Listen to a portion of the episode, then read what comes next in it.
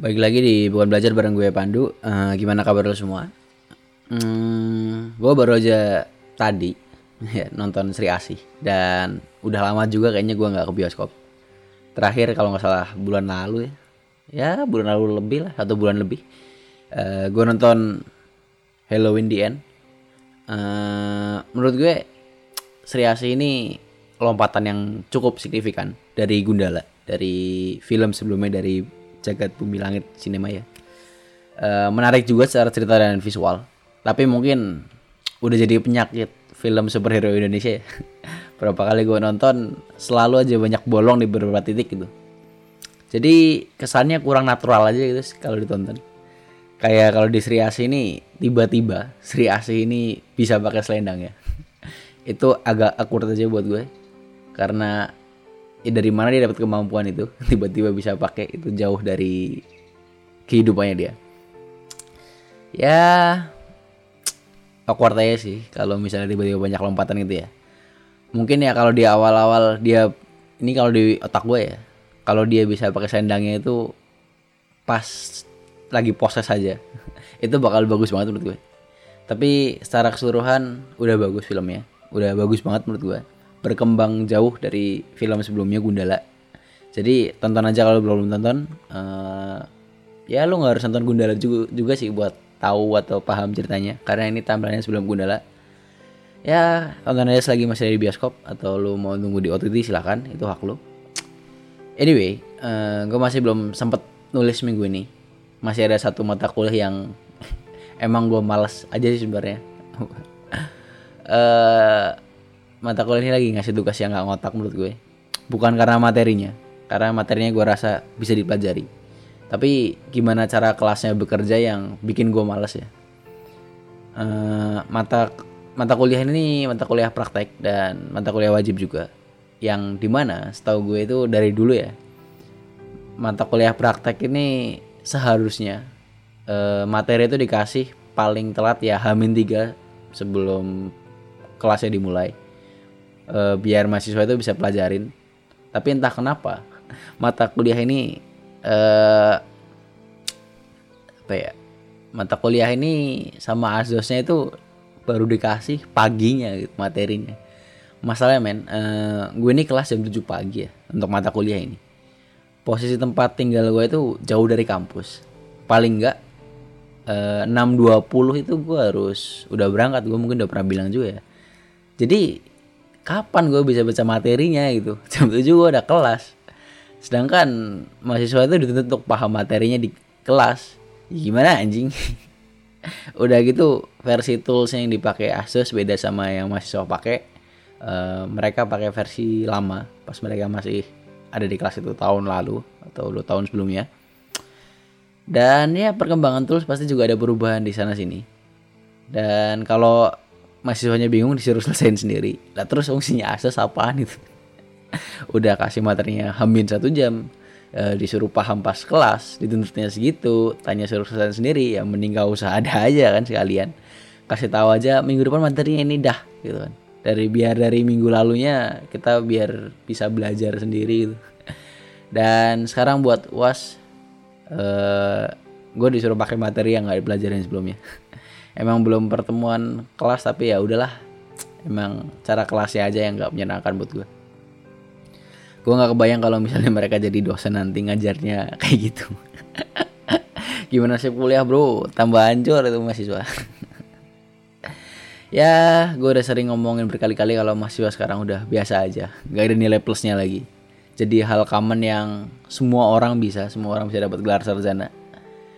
Em, kayak misal kalau kemarin lo baca berita ya ada bukan cuma ada bahkan bahkan banyak mahasiswa IPB ya gue sebut aja nggak apa-apa lah karena itu jadi di berita juga. Banyak mahasiswa IPB yang kena pinjol karena mau bikin acara. Itu udah nggak masuk nalar gue aja men. Mahasiswa kena penipuan pinjol dan gak cuma satu. Itu udah goblok banget itu. Itu udah berlapis-lapis men gobloknya yang pertama lo itu mahasiswa ya? Latar belakang pendidikan lo itu gua rasa harusnya udah cukup baik untuk memilah penipuan atau enggak dalam skala besar kayak gini. Yang kedua kalau itu buat bikin acara pasti kan mereka itu dari organisasi atau dari panitia ya? Itu gimana cara seleksi organisasi atau panitianya men? Pasti kan bobrok banget tes seleksinya sampai yang kepilih itu yang nggak bisa bedain penipuan sama bukan. Dan yang ketiga kalau nggak salah ada ratusan kalau nggak salah 300 ya. 300an mahasiswa yang ketipu. Masa dari sekian banyak orang itu manusia itu nggak ada satupun yang ngadar gitu kan? Kalau goblok ya jangan bersama jangan berjamaah lah. Satu satu aja lah paling nggak yang mikir gitu. Ini kayaknya penipuan ya mau dapat satu juta masa harus keluar 10 juta sih? Itu kan basic banget itu kan. Padahal ya uh, duit yang mungkin kena penipu, kena tipu itu itu harusnya bisa diputar gitu kan. Pemikirannya aja yang sempit nggak bisa muter duit ya maunya instan gitu kan. Dan kalau dengerin ini lu jangan seneng dulu lo lu jangan ikut ketawa dulu kalau lu ketawa uh, kalau misalnya lu tahu ada mahasiswa kena tipu ini lu dan gua roasting kayak gini jangan ikut ketawa dulu uh, lu jangan ikut ketawa kalau misalnya lu dan dosen di kampus itu isinya cuma jual risol atau jual follower. Nggak ada bedanya men. Orang tua lu bayar mahal-mahal buat tuh kuliah. Eh lu malah jualan risol di kampus. Gua nggak dapat pola pikirnya aja gimana organisasi kampus sekarang. Kebanyakan cari tempat jualan jajanan pasar yang biasanya bukannya pas pagi-pagi gitu. Yang kreatif dikit lah.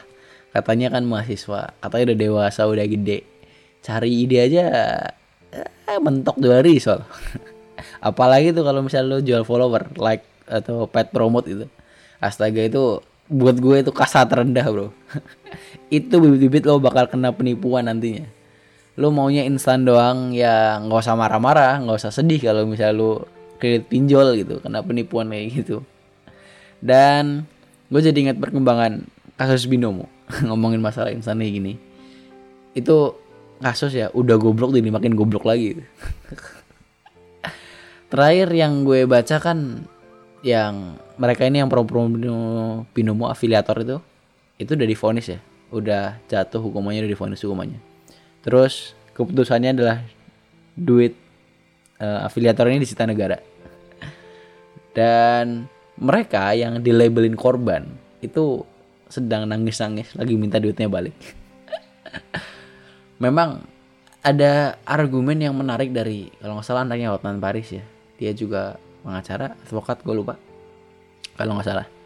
E, eh, gue lupa pastinya tapi kurang lebih e, terdakwa ini si afiliator ini akhirnya kan difonis. Tapi fonisnya itu bukan terkait judi atau enggak terkait apa yang harusnya berkaitan dengan yang mereka lakukan. Gue lupa pastinya. Dan karena hal itu uangnya itu jadinya nggak jadinya disita negara. Nggak dikembalikan ke korban ini. Tapi kan itu kasus sudah lama ya kayaknya ya. Sama kasus polisi nembak polisi ya kayaknya udah lebih duluan itu ya tapi kenapa baru protesnya sekarang kan? Ya jawabannya adalah karena goblok aja korbannya. Udah ketangkep gitu kan afiliatornya mereka seneng. Diadili mereka seneng. Tapi mereka nggak perhatiin gimana perkembangan kasusnya. Nggak diperhatiin fonisnya tuntutannya dan sebagainya. Yang di otak mereka pasti kan wah ini afiliator ini yang nipu udah ketangkap nih duit gue pasti balik ya salah lo sendiri juga bro. Kalau dari awal pelaporan fonisnya uh, lo nggak paham lo nggak ngikutin harusnya kan kita sebagai masyarakat uh, bisa memperhatikan ya atas apa yang sedang berjalan itu kan. Itu kan hukum kan semua transparan seharusnya ya. Harusnya transparan kita bisa tahu ini dituntutnya apa fondisnya apa. Kalau nggak sesuai ya lu ngomong gitu kan.